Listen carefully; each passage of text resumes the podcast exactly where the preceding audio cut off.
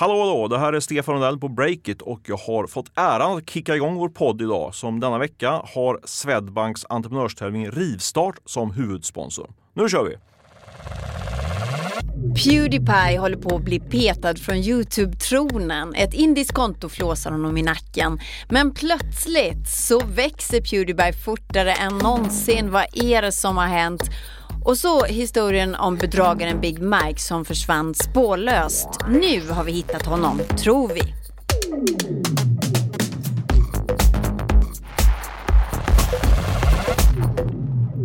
Det är onsdagen den 5 december. Och så här lät det på Pewdiepies Youtube-kanal häromdagen. It looked like it was finally the end. This month long campaign to keep me afloat above the inevitable Erik Wisterberg, vad pratar han om? Han pratar om det enorma stöd som han har fått från Youtube-profiler och fans som har liksom kapat 50 000 skrivare för att printa ut meddelanden om att man ska prenumerera på Pewdiepie.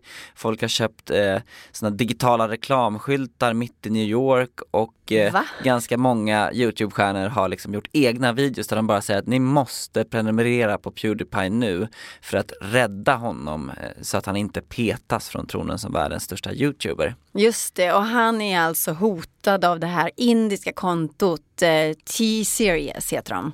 Ja, och det, där sker det ju ett skifte, alltså när T-Series går om, för det kommer de nog att göra, mm. då tappar Youtube sin liksom hemmaodlade stjärna. Alltså Pewdiepie, han blev ju stjärna på Youtube för att göra Youtube och T-Series är något annat, det är ju ett mediebolag från Bollywood som gör musikvideos. Så det är ju inte liksom en Youtube-stjärna på det sättet. Så jag tror att det är ett symboliskt skifte som håller på att ske och därför mobiliserar eh, Pewdiepie och hans fans väldigt hårt just nu. Det här är ju jättespännande egentligen. Ja, och det som är spännande är ju att Pewdiepie växer just nu fortare än han någonsin har gjort tidigare. Han adderar en halv miljon prenumeranter per dag. Per och, dag? Ja, och han berättade ju själv om det här i, på sin Youtube-kanal. So yesterday we hit uh, 500 500,000 subscribers.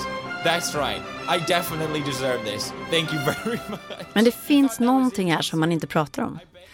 Pewdiepie pratar ju gärna om den här kärleken som han får men det som har hänt bakom kulisserna det är att många av hans fans som är väldigt hängivna de har cirkulerat ett slags digitalt kedjebrev kan man säga där de uppmanar alla som redan prenumererar på Pewdiepie att skapa liksom ytterligare konton, alltså att registreras Mhm. nya Youtube-profiler Mm. och börja prenumerera på Pewdiepie. Fast det är egentligen samma personer då, som ligger bakom kontona. Ja, och eh, det är ju lite en intressant sådär digital folkrörelse eh, som ju då kommer resultera i att Pewdiepie har massa fejkade mm, följare kan man säga. Samtidigt som jag tror att de gör så här för att de vill behålla nummer ett-platsen på Youtube för en riktig Youtube-stjärna, en äkta liksom, eh, talang som har utvecklats på Youtube och bara gjort Youtube. Mm. Har du någon förståelse för det? Är den här kampen viktig på något sätt, Erik? Det är väl alltid viktigt vem som är störst i världen på någonting. Nej, men det är klart att den inte alls är viktig egentligen. Alltså många pekar ju på att det här måttet, antalet prenumeranter på Youtube, det är liksom bara snömos. Mm. Det är bättre att titta på liksom engagemang eller hur många visningar man har på klippen och så. Men det, det har ett symbolvärde som jag tror är viktigt och här känner man kanske att Youtube håller på att kapas av någon kommersiell, liksom profithungrig mm, musikmagnat från Indien då.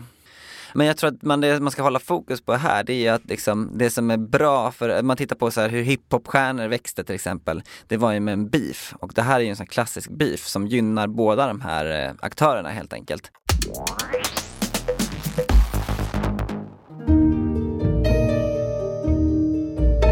Du som lyssnar flitigt på Break It Daily kanske kommer ihåg avsnittet om bedragaren Big Mike.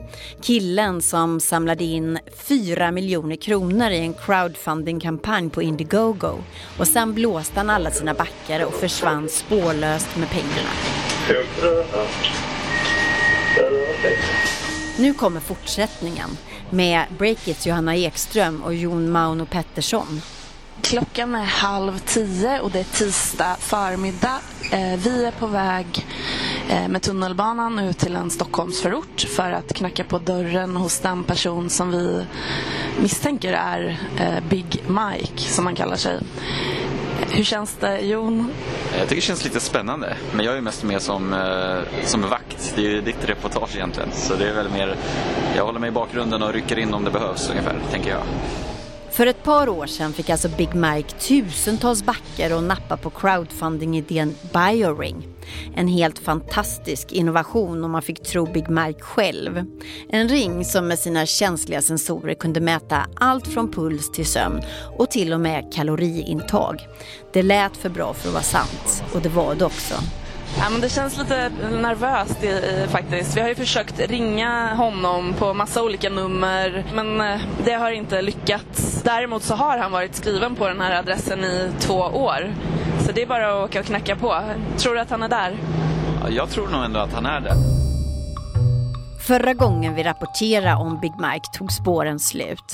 Vi pratade med besvikna backare som förlorat pengar och skrev om en PR-byrå i USA som också blivit blåsta av Big Mike. Och han hade skrivit att eh, ni kommer aldrig kunna stämma mig, ni kommer aldrig kunna lista ut vem jag är och ni kommer aldrig kunna hitta mig och pengarna finns i ett skatteparadis. Men nu har Johanna Ekström alltså hittat personen som vi tror är Big Mike. Och inte bara det.